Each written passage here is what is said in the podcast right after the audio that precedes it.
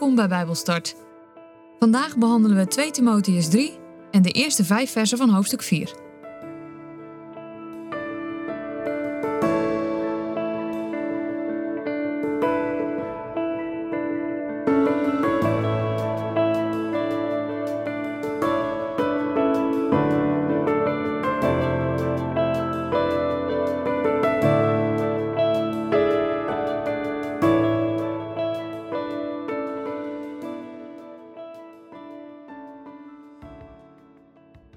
Ik lees met jullie uit de basisbijbel 2 Timotheus 3 tot en met hoofdstuk 4 vers 5. Onthoud dat de laatste tijd van de wereld een moeilijke tijd zal zijn. Want de mensen zullen alleen maar aan zichzelf denken. Ze zullen hebzuchtig, trots en overmoedig zijn. Ze zullen God beledigen en ongehoorzaam zijn aan hun ouders. Ze zullen ondankbaar en slecht zijn en nergens respect voor hebben.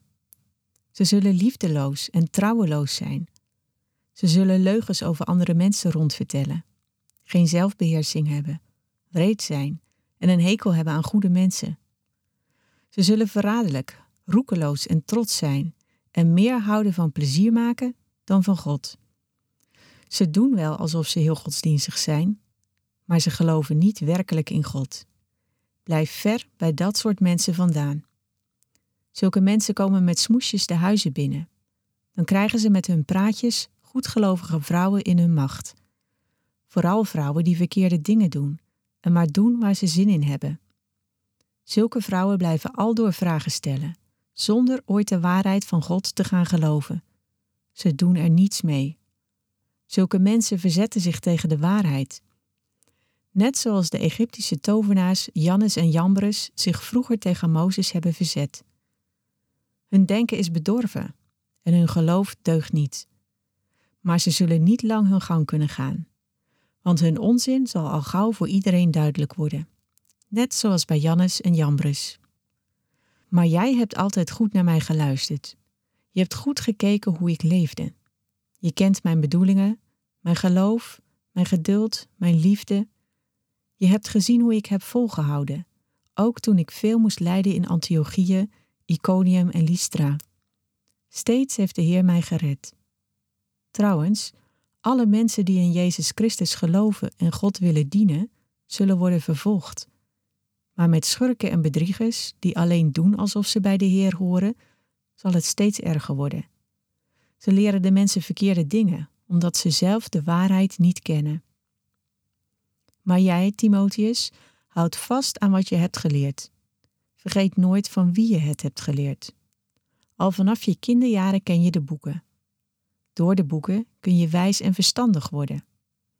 Ze leren je hoe je door het geloof in Jezus Christus kan worden gered. Alles wat God daarin heeft laten opschrijven is nuttig.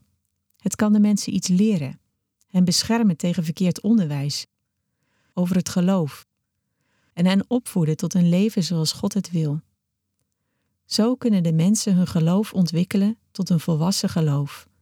Dan zullen ze geschikt zijn voor elke taak. Ik lees verder in 2 Timotheus 4 de eerste vijf versen. Op een dag zal Jezus Christus terugkomen. Hij is de koning en hij zal dan oordelen over levenden en doden. Namens God en Jezus Christus zeg ik je daarom dringend: vertel de mensen het woord. Dring bij ze aan, of het jou nu goed uitkomt of niet. Leg de mensen uit wat ze verkeerd doen. Voed hen met veel geduld op in het geloof. Want er komt een tijd dat de mensen niet meer zullen willen luisteren naar de gezonde waarheid van het geloof. Omdat ze liever andere dingen horen, zullen ze zelf leraren uitzoeken die hen leren wat ze graag willen horen. Ze zullen niet meer willen luisteren naar de waarheid, maar alleen naar verzinsels. Maar jij moet helder blijven denken, Timotheus, wat er ook gebeurt. Verdraag de moeilijkheden. Breng de mensen het goede nieuws en doe alles wat bij je taak hoort.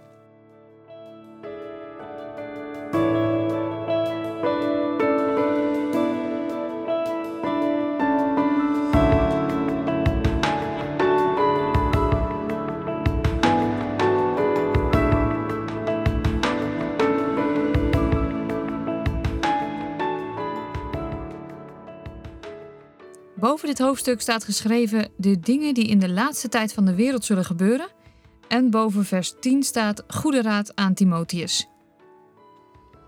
Paulus heeft het in het eerste vers over de laatste tijd van de wereld. En deze zal erg moeilijk zijn. Paulus vond de situatie van de wereld urgent. En het bracht hem ook bij de noodzaak om over God te vertellen. Nou moet ik heel eerlijk zeggen, de laatste tijd van de wereld, dat klinkt nogal als een nog korte tijd. Maar hij duurt vanaf de hemelvaart tot de wederkomst. En dus hebben we geen idee hoe lang het precies duurt. Sommigen dachten dat Johannes niet zou sterven en dat Jezus dan al teruggekomen was. We weten het simpelweg niet, maar we weten wel dat er van alles gaat gebeuren voordat het zover is. Als we nu naar deze wereld kijken, op hoeveel plekken kunnen wij dan nog vrij geloven? Er is veel christenvervolging. In landen zoals Pakistan en India wordt het steeds moeilijker. In China wordt het bijna onmogelijk. En Noord-Korea is volledig afgesloten van de buitenwereld. Mensen die geloven, die worden gevangen genomen, worden gemarteld en ter dood veroordeeld. In Nederland kan je je dat eigenlijk niet voorstellen. Als je leest in vers 2 wat de mensen zullen gaan doen, dat ze alleen maar aan zichzelf denken, dat ze hebzuchtig zijn, dat ze trots en overmoedig zijn, dat ze God beledigen en ongehoorzaam zijn aan hun ouders, dat ze ondankbaar en slecht zijn en nergens respect voor hebben, liefdeloos en trouweloos zijn, dat ze leugens over anderen rondvertellen en geen zelfbeheersing hebben, vreed zijn en een hekel hebben aan goede mensen, dat ze verraderlijk, roekeloos en trots zijn en meer van plezier houden dan van God? Mensen die doen alsof ze echt ontzettend godsdienstig zijn, maar dat ze in werkelijkheid helemaal niet in God geloven. Als je die hele beschrijving dan leest, eigenlijk lees je dan een samenvatting van onze samenleving vandaag de dag. En het nare is dat dat ongeveer 50 jaar geleden ook zo was. Als ze dit lijstje zo lazen, dan dachten ze, ja, dat is de samenleving van vandaag. En misschien dachten ze dat 100 jaar geleden ook wel. Het houdt niet op.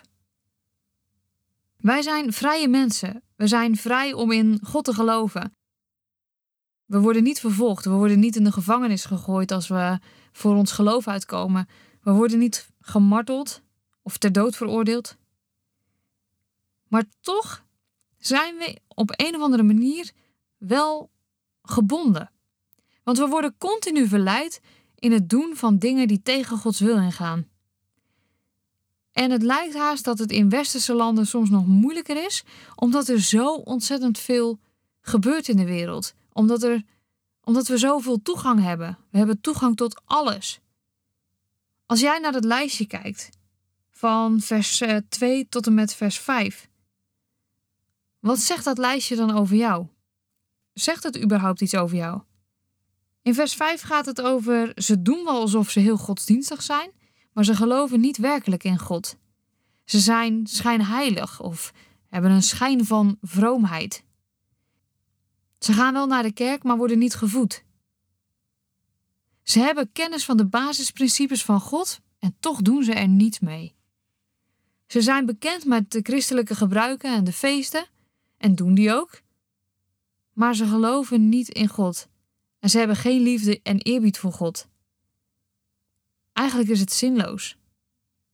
En het lastigste is, ze zijn moeilijk te onderscheiden van echte christenen, om maar zo te zeggen. Op het eerste gezicht lijkt het allemaal prima. Maar hun leven verraadt hen wel. En dan vervolgens komen we bij vers 6 en 7 uit. En deze gaat opnieuw over vrouwen. En ook deze vind ik echt wel belangrijk om weer even uit te leggen.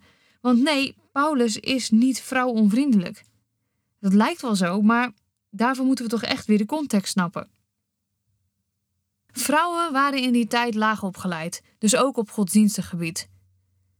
En ze genoten nu van hun vrijheid dat ze mochten studeren, dat ze Gods woord mochten bestuderen. Dat was in het Jodendom wel heel anders en überhaupt in die hele samenleving toen.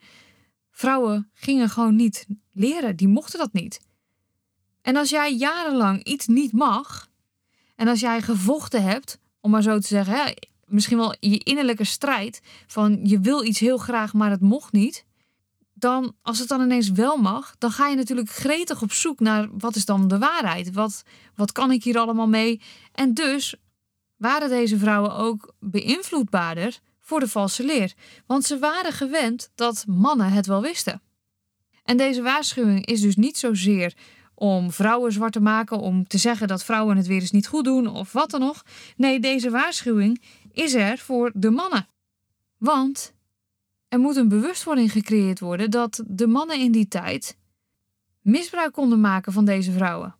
Deze vrouwen zijn jonggelovigen en ze moeten nog groeien in hun kennis. En de onwetendheid die maakt hun kwetsbaar voor verleiding. En daarom zegt Paulus tegen Timotheus: hou een oogje in het cel, let op die vrouwen. Let erop dat zij niet beïnvloed worden door de valse leer. Oftewel, zorg ervoor dat die valse leer het dorp uitgaat, dat de stad uitgaat. En vervolgens komen dan de twee Egyptische tovenaars, Jannes en Jambres, tevoorschijn in dit verhaal. Volgens de overleveringen waren dat dus twee tovenaars uit Egypte.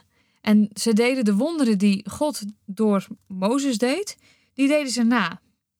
Maar Mozes versloeg hen. En op diezelfde manier zal God ook de valse leraars verslaan als ze de gemeente in Efeze plaagden. Hun onzin wordt namelijk snel zichtbaar.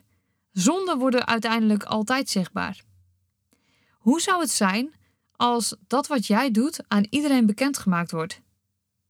Zijn er dingen die je dan wil verbergen? En is het dan nu niet tijd om te breken met de dingen die je eigenlijk wilt verbergen? Het mooie is, God weet het al. Eigenlijk hoef je ze alleen nog maar in de handen van God te leggen en aan de Heilige Geest te vragen of Hij jou wil vervullen met andere gedachten, met andere verlangens.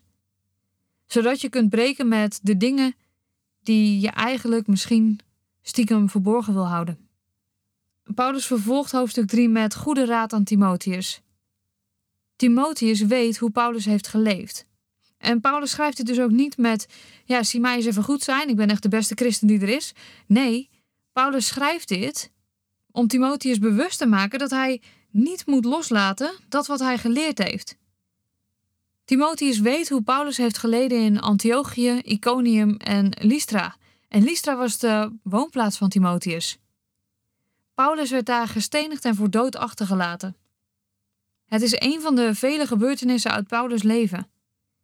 Als je meer wil weten daarover, dan moet je eventjes 2 Korintiërs 11, vers 23 tot en met 33 lezen. Daar staat namelijk een hele opsomming van nou, de meeste dingen uit het leven van Paulus. Houd vast aan wat je geleerd hebt. Dat is eigenlijk wat Paulus Timotheus op zijn hart drukt. Timotheus stond onder grote druk. En het kon maar zo zijn dat hij zou gaan twijfelen of bezwijken aan zijn eigen overtuigingen. Maar dat geldt ook voor ons. Wij worden geconfronteerd met verkeerde lessen over Gods woord. Heb jij wel eens getwijfeld? Heb je wel eens dat je iets hoort en dat je denkt: hmm, ik dacht altijd dat het zo was? En ben je dan gaan twijfelen? Of ben je in Gods woord gedoken om te onderzoeken wat God nou tegen jou wil zeggen over dat punt? Weet je, er zijn heel veel mensen die zeggen dat ze druk zijn. En druk zijn is een fantastische afleiding van Gods woord en zijn waarheid. En daarom is het zo belangrijk dat je zorgt dat je altijd tijd hebt om Gods woord te onderzoeken. Denk na over de dingen waarop jij je leven bouwt. Want dat is namelijk je fundament. En als je fundament wankel is.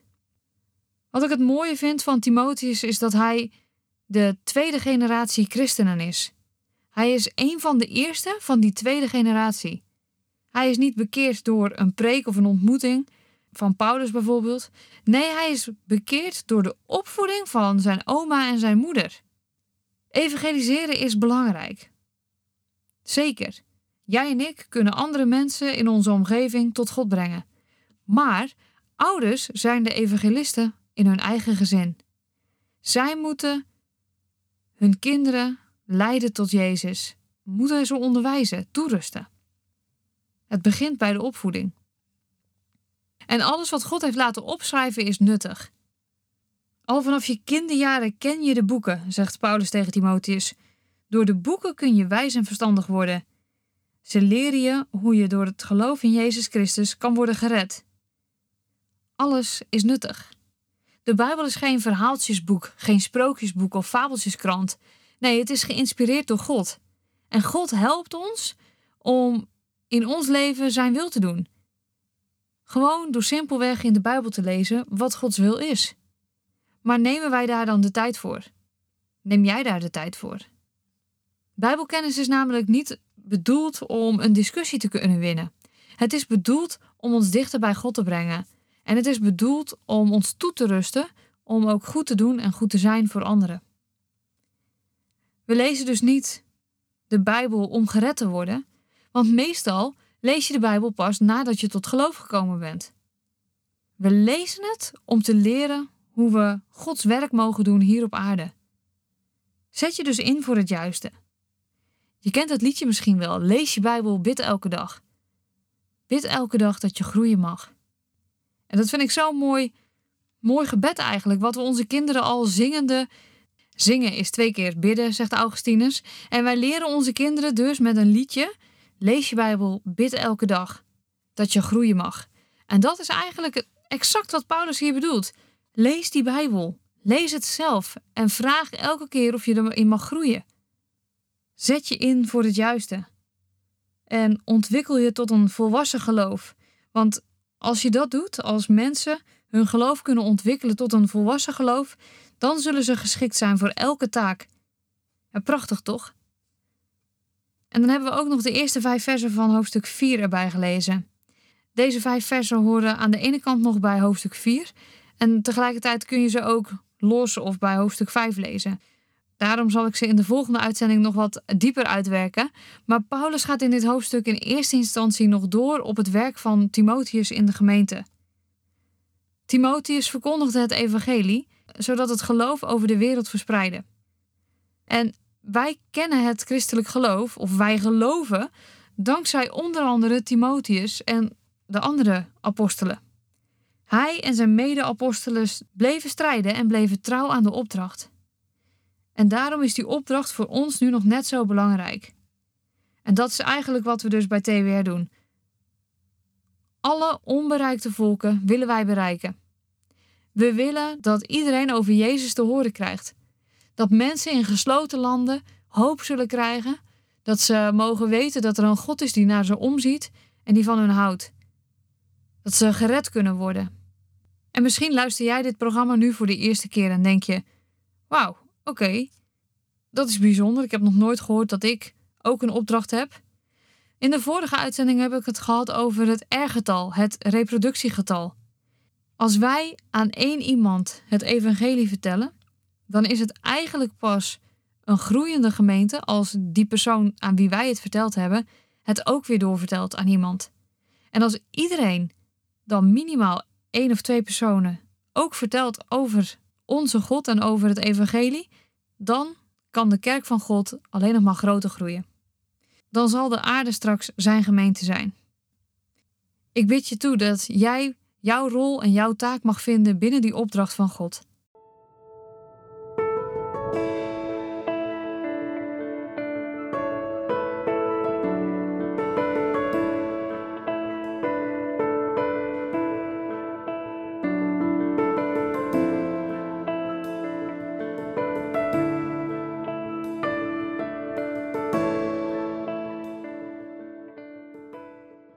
Bijbelstart, een programma van TWR.